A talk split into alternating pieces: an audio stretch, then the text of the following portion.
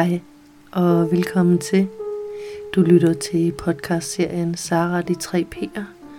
En podcast om de tre principper. Jeg er din faste vært, psykolog Sara Spangsberg, og jeg vil som altid dele min forståelse af de tre principper, vores psykiske design, med dig. Vil du gerne vide mere om de tre principper, så kan du lytte til min anden podcast, Dramadronningen på første, eller du kan logge ind på min hjemmeside, saraspangsberg.com. Her kan du blandt andet skrive til mig og bestille samtaler eller komme med forslag til podcastemner. Du kan tilmelde dig mit nyhedsbrev, og du kan også købe mit e-kursus En guided tur til indre ro, hvor du kan arbejde med din egen forståelse. Derudover så kan du også ind fra min hjemmeside finde links til køb af min bookcast En ny vej i livet, der er en bog med udvalgte, redigerede og opdaterede afsnit af denne her podcast. Og så vil jeg selvfølgelig, som altid, gerne slå et slag for Facebook-siden og foreningen 3PDK, de tre principper i Danmark. God fornøjelse.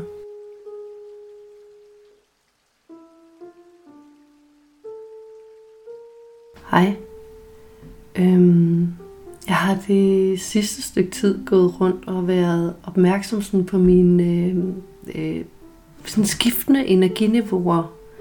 Og samtidig har jeg været vildt imponeret over, hvor godt vores system egentlig er til at passe på os. Altså, når vi giver det lov. Men det er egentlig det, jeg har tænkt, det skal handle om i dag. Mange af mine klienter, de bringer deres øh, energiniveauer sådan op i samtalen. Og flere henvender sig faktisk ene og alene, fordi deres energiniveau ikke er, som de synes, det bør være. Eller i hvert fald, som deres ego synes, det bør være. Og her de sidste måneder, eller måske mere, har det sådan virkelig slået mig, hvor vildt det egentlig er. Når jeg siger, at det har slået mig, så er det ikke sådan, at det er kommet som en stor og pludselig indsigt. Det er mere som en oplevelse af sådan pludselig langsomt at kunne, kunne se mere og mere. Som hvis man har haft lukkede øjne i lang tid, så åbner dem, og så langsomt så indstiller synet sig. Jeg kommer til at tænke på en fødselsdag, da, da jeg var barn. Jeg havde sovet på min forældres værelse, og som morgen så fik, øh, fik jeg videre, at jeg skulle lukke øjnene øh, hårdt i øh, og holde for dem. Og så løftede min far mig op og bar mig rundt og rundt og rundt i huset og udenfor, og indtil jeg helt havde mistet orienteringen. Og da jeg så måtte kigge igen, så var jeg inde på mit eget værelse, hvor mine forældre i nattens mulm og mørke havde ryddet op og sat en reol med skrivebordsplade op. Men det så jeg ikke med det samme. Først så skulle mine øjne vende sig til lyset, så jeg kunne se, og derefter skulle jeg trin for trin opdage, hvor jeg var, og hvilken forandring der var sket. Og jeg har haft det lidt på samme måde med min opdagelse af det med energiniveauer. Det er sådan kommet lidt efterhånden, har foldet sig ud, og nu kan jeg se og genkende det. Ikke kun som, som det, jeg nu ser, men også som det, der var, eller det, jeg oplevede, der var, inden jeg så det. Og det er som om, at efter jeg har set det, så kan jeg simpelthen ikke stoppe med at få øje på det alle steder, jeg kigger hen. Det er helt fantastisk og magisk. Men også lidt ærgerligt at se, hvor dårligt vi nogle gange er til at lytte og til at følge energien. Det er naturligvis ikke sådan, at jeg nu tror, jeg har set alt omkring vores energi. Slet ikke. Eller det håber jeg i hvert fald ikke, fordi de her små løbende aha-oplevelser er bare så skønne. Men jeg har set noget, og det er det noget, jeg gerne vil dele.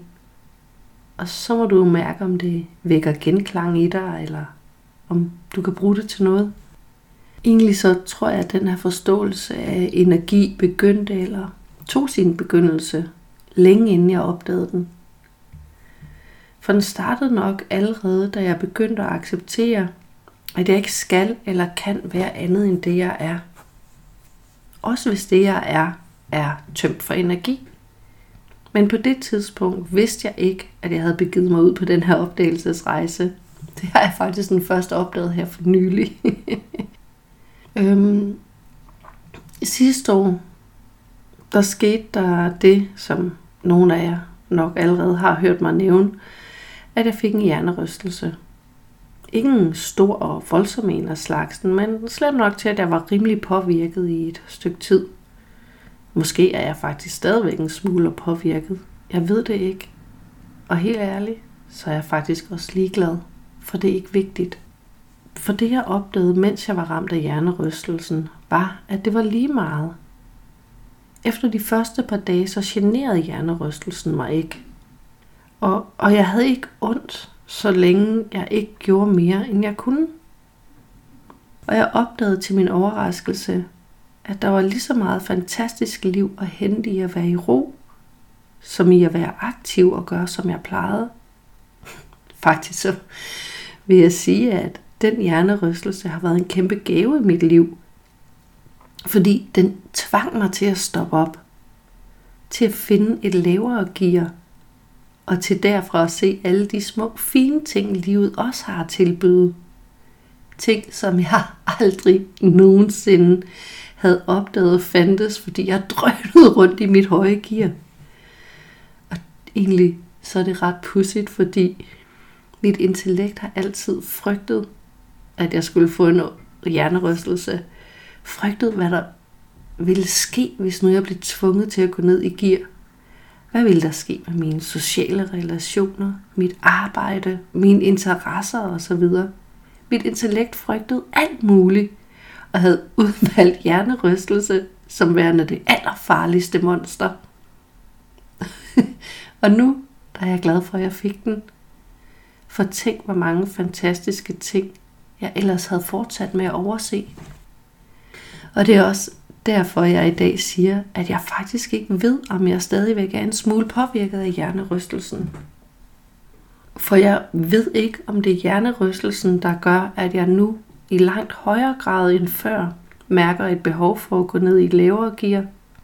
Eller om det bare skyldes, at jeg nu er mere tilbøjelig til at tillade mig selv at mærke et behov, der hele tiden har været der. Fordi jeg har oplevet kvaliteten ved det. Fordi jeg ikke længere er bange for det. Og i virkeligheden er det jo egentlig også fuldstændig ligegyldigt. Det vigtige er, at jeg nu lever i en langt højere harmoni med min visdom, når den informerer mig om mit energiniveau. Det hjalp mig helt sikkert, at jeg kendte til de tre principper, da jeg fik min hjernerystelse. At jeg allerede havde set, at det ikke er faktorer uden for mig, der skaber mit gode liv. Fordi det hjalp mig til at kunne være der, hvor jeg nu var nødt til at være. Til at kunne sige, Nå, men det må gå, som det går, og det er helt okay. Til at acceptere, hvor jeg var, og ikke presse mig selv til mere, end jeg rent faktisk kunne. Og dermed så kunne jeg lade mit system få arbejdsro til at gøre det, det nu skulle. Faktisk så har jeg lidt en hypotese om, at det, at jeg lyttede så meget til mig selv, og ikke pressede mig selv for meget, hjalp mig til at have et ret nemt forløb med, med ret milde symptomer. Hver gang jeg overhørte mine symptomer, så blev det værre. Men når jeg lyttede efter og reagerede med det samme, så fik jeg det straks bedre. For symptomerne er jo egentlig bare kroppens måde at sige stop på. Og hvis vi stopper med det samme, så har kroppen jo ingen grund til at begynde at råbe. Sådan var det i hvert fald for mig. Og jeg er klar over, at andre folk kan have meget anderledes forløb. Kan have slået hovedet hårdere eller fået et voldsommere whiplash, og dermed fået andre og mere voldsomme symptomer. Så jeg vil gerne pointere, at det ikke er sådan, at jeg bare tænker, det er du selv ude om, hvis du sidder med værre symptomer, end jeg havde. Jeg kan bare beskrive, hvordan det var for mig. Og ligesom viden om de tre principper helt sikkert hjalp mig til at håndtere min hjernerystelse, så hjalp hjernerystelsen mig også til at se og forstå visdommen, livskraften meget bedre. Ikke kun hos mig selv, men også hos andre og ikke kun i situationer, hvor der lige var en hjernerystelse i spil. Tidligere, når folk henvendte sig til mig, for, fordi deres energiniveau ikke var, som de synes det skulle være, så gik jeg med på præmissen om, at det var noget værre noget. Vi held, altså noget værre noget, som, som vi heller måtte gøre en masse for at fikse. Og så gik jeg sammen, sammen med de folk i gang med at undersøge, hvad årsagerne til det lave energiniveau kunne være. Og ja, det er sjovt nok 99% af gangene det lave energiniveau, der opleves som problematisk, ikke det høje. Var det mund arbejdet, familielivet, netværket eller alt muligt andet, der var årsag til den lave energi? Det vigtigt at finde ud af, for kunne vi finde ud af, hvad det var, så kunne vi gøre noget ved det, så energien kunne blive rigtig igen. Og jeg gav folk mange, mange øvelser, der kunne hjælpe dem med at opbygge deres energiniveau, så det kunne blive højt og flot igen. For selvfølgelig skulle deres energi være i top. De skulle være flyvende. Og var de ikke det, så var der noget galt. Sådan tænker jeg heldigvis ikke længere. Jeg kan stadigvæk godt snakke med folk om deres energiniveau, eller være opmærksom på min egen. Men det er bare på en helt anden måde. For vores energiniveau er lige præcis som det skal være. Vores energiniveau er altid helt perfekt. Også selvom vores ego måske ikke er helt enig i den påstand. Så mit fokus i forhold til energiniveau nu er på at lære at lytte til det, systemet fortæller os. På at acceptere de behov, der udtrykkes. Vores energiniveauer svinger. Vores overskud og sociale rummelighed svinger. Sådan er det bare. Uanset hvordan verden omkring os agerer, uanset hvordan vi har det, så svinger vores energiniveau. Og det er helt okay. Der er intet galt med hverken os eller vores liv, når vores energiniveau er lavt. Der er jo heller ikke noget galt med telefonen eller verden, fordi batteriet indimellem skal lades op. Det er bare sådan, det er. Det er et vilkår ved telefoner, og det er et vilkår ved os mennesker. Det fantastiske er, at vores visdom er en virkelig god guide. Den informerer os fra øjeblik til øjeblik om, hvad vi har brug for. Hvad det rigtige for os vil være. Og vores visdom er altid i overensstemmelse med vores energiniveau. Og hvis bare vi lytter til visdommen, så glider det perfekt. Det er fuldstændig vanvittigt cool og så simpelt. Desværre er det dog ikke altid helt så let, som det lyder, og slet ikke, hvis man ikke kender til de tre principper. For udfordringen kan være, at vores ego ofte har en idé om, hvordan vi bør være. Om at vi hele tiden skal være vores sådan super friske overskuds-jeg, der sprudler og drøner rundt og oplever en masse fede ting og har styr på det hele. Sådan var det i hvert fald for mig. Mit intellekt har lavet en fortælling om, hvad den gode hverdag er, og endnu mere om, hvad den gode Sara er. Og de fortællinger har intet med lav energi at gøre.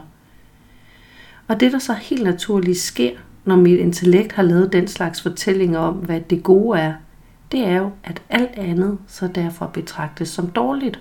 Og derudover så har mit intellekt lavet en hel masse skrækfortællinger om, hvad der sker, hvis jeg ikke lever op til det gode.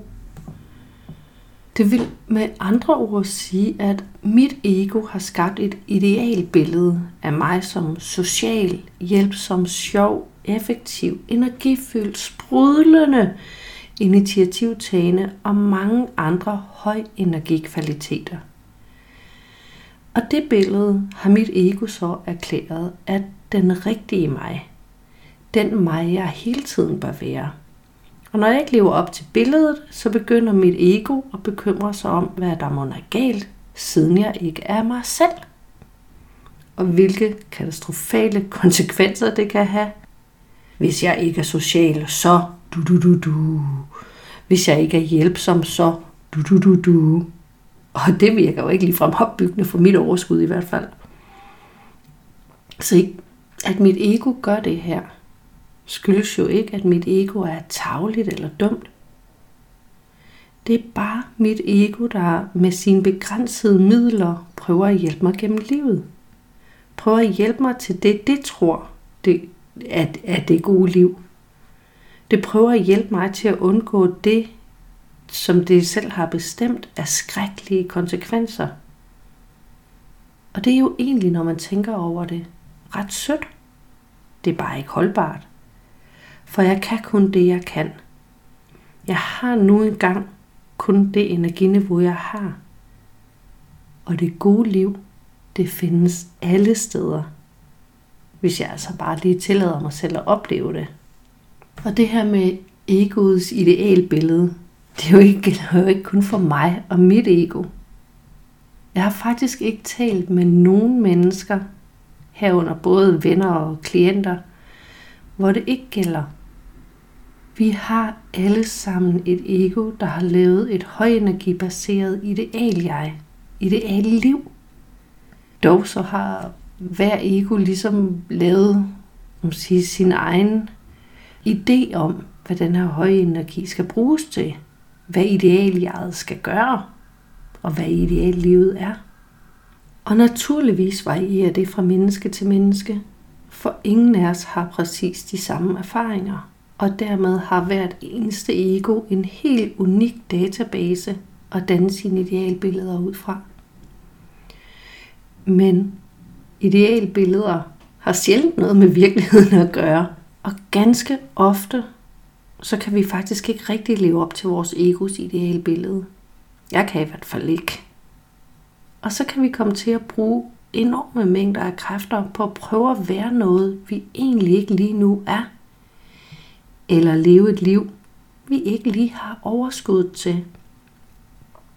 Og vi kan komme til at bebrejde os selv, at vi ikke lever op til vores egos sådan idealbillede.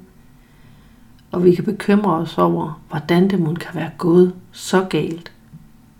Det gjorde jeg i hvert fald og der er ikke meget accept eller ro i den slags. Heldigvis kan man sige, så er vores visdom altså sådan rimelig skide ligeglad med, hvilke ideal, idéer vores ego har fået skabt. Hvilke sådan selvskabte idealer det prøver at få os til at leve op til. Vores visdom er skide ligeglad med, hvordan vores ego nu tror, det er bedst, at vi opfører os, engagerer os, oplever osv. Visdommen har nemlig ingen idealbilleder. Den har ingen idéer om, hvordan jeg bør være, eller hvordan mit liv bør være. Den informerer mig bare ud fra der, hvor jeg nu engang lige er. Ud fra, hvordan mit energiniveau er og hvad mit reelle behov er. Og kan jeg møde mig selv der, der hvor jeg er, med accept og kærlighed, så har jeg det bedst. Og min energi kan frit bevæge sig i de dynamiske bølger, der er en naturlig del af det at være menneske. Men det kan være svært at lytte til sin visdom. Til at acceptere, når vi er nede i en lavenergidal fordi vores ego har det med at råbe ret højt og insisterende og true og lokke os med alle mulige ting. En af de ting, jeg tit oplever, og som jeg i hvert fald før tog meget alvorligt, men faktisk nu oftere synes er pudsigt, det er mit intellekts insisterende forsøg på at overbevise mig om, at jeg går glip af så mange ting, hvis jeg accepterer mit lave energiniveau. Mit intellekt fortæller mig, at jeg har vildt meget lyst til at gøre alt muligt energikrævende, og det er derfor et problem, at jeg ikke rigtig har energien til det. Og det fortæller mig, hvor meget jeg går glip af, hvis jeg ikke gør de ting. Og hvis jeg lytter til mit nogle gange temmelig højt råbende og insisterende ego, så vil jeg få en oplevelse af, at have lyst til, hvad det nu end er, der råbes op om. Men det er falsk lyst. Det er mit intellekt, mit ego, der tager fejl, og derfra forsøger at forføre mig. For egentlig er det ikke forkert, det mit intellekt påstår om min lyst. Jeg ville sikkert have ægte lyst, hvis altså bare jeg lige var sådan i et højt energiniveau. For var jeg sprudlende af energi, så ville jeg da sikkert have lyst til alle de ting, mit ego siger. Og jeg ville sikkert også nyde dem. Men fra mit energiniveau, der har jeg ikke ægte lyst. Jeg har faktisk mere lyst til at lave noget, der stemmer med mit energiniveau. Jeg har lyst til at gøre noget, der ikke kræver mere af mig, end jeg er i stand til at give. Og det informerer min visdom mig om. For så smart er vores visdom. Den prøver at guide os, så vi ikke kører tanken tom. Fordi selvfølgelig kan vi godt få det sjovt og rart og nyde det, når vi presser os selv til at gøre høj ting fra et lavenergisniveau. Det er bare mindre sandsynligt, og det kommer med en pris. Jeg har virkelig tit prøvet for eksempel at have en oplevelse af, en meget overbevisende oplevelse af falsk lyst, der påstod, at jeg selvfølgelig havde lyst til at tage afsted til en eller anden begivenhed, samtidig med, at jeg lige nedenunder har kunne mærke en trang til bare at melde afbud og i stedet blive hjemme, lytte til podcast og tus rundt i min lejlighed. Før i tiden, så kom jeg til at tro på, på den falske lyst og angsten for at gå glip af noget. Altså underforstået og gå glip af noget af det, som egoet har erklæret ideal i livet. Og så vil jeg tage afsted. I dag er jeg blevet meget bedre til at lytte til min visdom, til den trang, der ligger nedenunder den falske lyst. For jeg ved, at det er bedst for mig.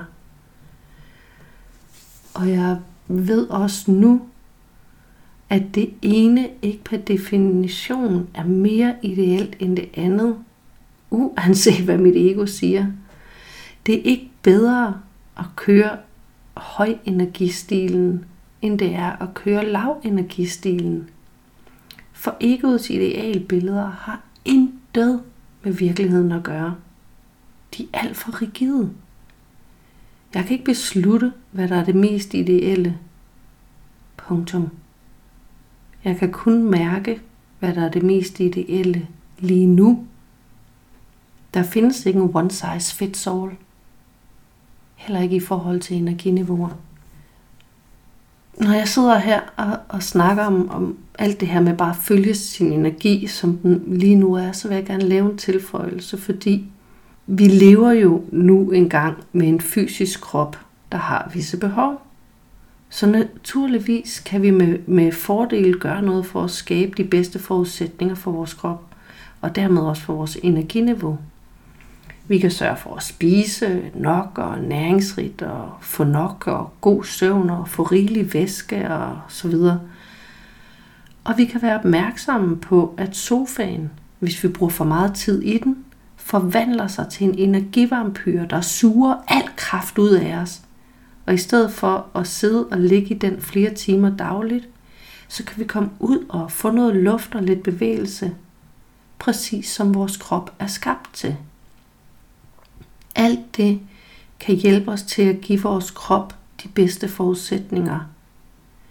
Men vi kan og skal ikke styre vores energiniveau.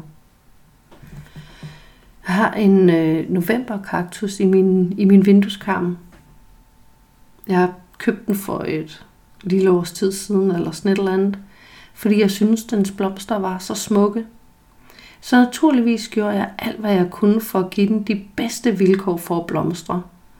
Jeg sørgede og, og sørger også stadigvæk for, at den får lys, vand, gødning og nogle gange endda sukker i de rette mængder. Jeg giver den det, den har brug for, og jeg gør mit bedste for at aflæse den signaler korrekt, så jeg kan tilpasse min indsats. Men uanset hvor godt jeg passer den, så kan jeg ikke bestemme, hvornår eller hvor ofte den blomstrer, eller hvor mange skud den sætter. Det er ude af mine hænder. Det må jeg lade naturen bestemme.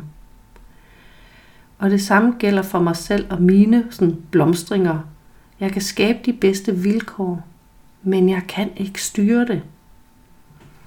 Og det jeg med tiden sådan har opdaget med min novemberkaktus, det er, at den faktisk er en utrolig smuk plante, også når den ikke blomstrer. Den er faktisk helt perfekt og fascinerende. Og ja, blomsterne er da umådelig sådan i øjnefaldende og, og farverige, men de er bare blomster. Og faktisk ikke det vigtigste for mig længere, fordi det vigtigste for mig nu, det er, at jeg kan se, at min blomst den trives. Og på samme måde har jeg det med mig selv.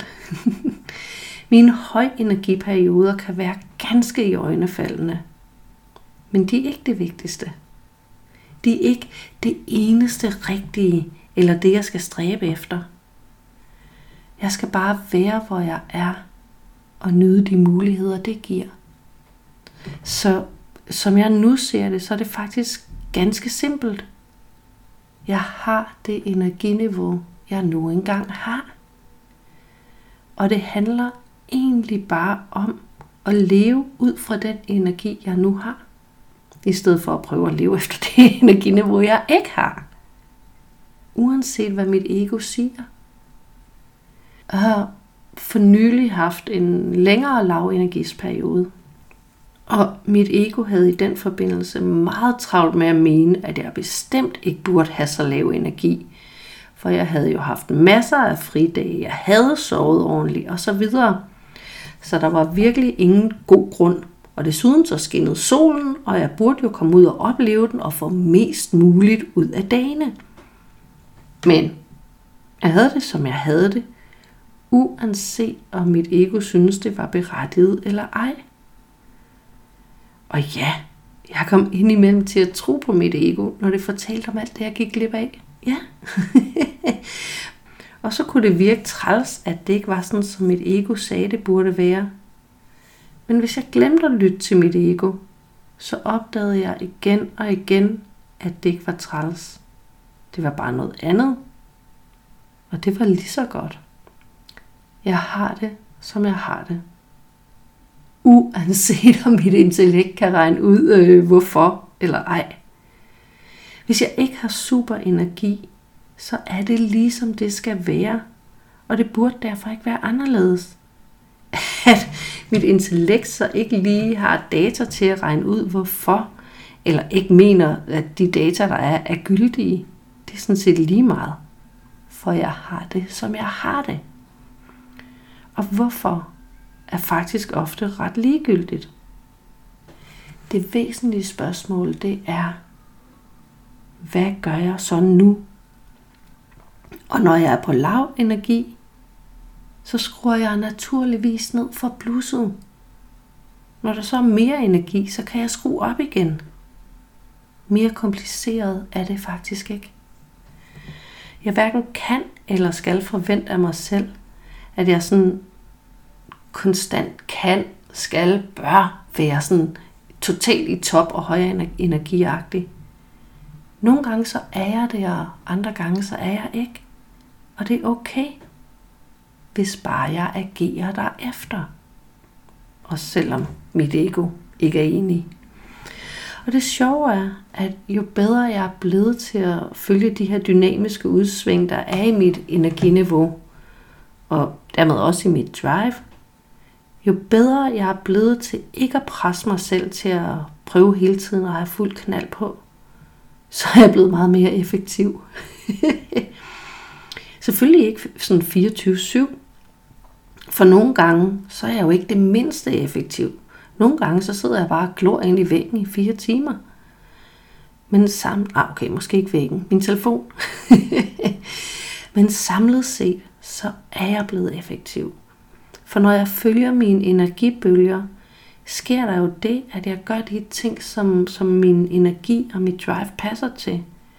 Og når jeg agerer i overensstemmelse med det, så går det jo af sig selv. Det er som om det ikke rigtig koster noget af mig at gøre tingene, når det jeg gør, det passer til, hvor jeg er. Og fordi jeg er blevet så meget bedre til ikke at gøre ting, jeg ikke har energi til, så kommer jeg heller ikke så ofte til at køre mig selv helt i bund og til at arbejde imod mig selv. Jeg har sådan lyst til at slutte af med en indsigt, jeg havde sådan for ganske nylig omkring angsten for at gå glip af noget. Fordi vi kan ikke undgå at gå glip af ting. Et hvert valg indebærer et fravalg, og et hvert ja til noget indebærer et nej til noget andet. Det er bare et livsvilkår. Og, og det har jeg egentlig altid været bevidst om. Men her, mens jeg har sådan gået og leget med mine indsigter om energiniveauer, så slog det mig pludselig, at det udsagn jo også kan vendes om. For hvis jeg aldrig kan undgå at gå glip af noget, så kan jeg heller aldrig undgå at opnå og opleve noget. Og tidligere så var jeg så fokuseret på mit egos øh, idéer om idealoplevelser og ideal mig, at jeg lukkede helt af for alle de skønne oplevelsesdøre, der åbnede sig for mig, når jeg gik glip af noget af det ideelle. Det mit ego mente havde værdi. Jeg kunne slet ikke nyde mulighederne og oplevelserne, der lå uden for det ideelle. Men efter mit møde med principperne, og dermed at jeg så lytter mindre til mit egos forsøg på at styre min vej i livet, så har det ændret sig. Og er det ikke bare en skøn og positiv måde at se det på? Og sige, jeg kan ikke undgå at opnå og opleve noget, i stedet for at sige, jeg kan ikke undgå at gå glip af noget. Jeg kan i hvert fald mærke, at den første sætning får mig til at vende mig nysgerrig mod livet. Lige præcis der, hvor jeg lige nu er i det. Jeg kan ikke undgå at opnå og opleve noget. Tak fordi du lyttede med.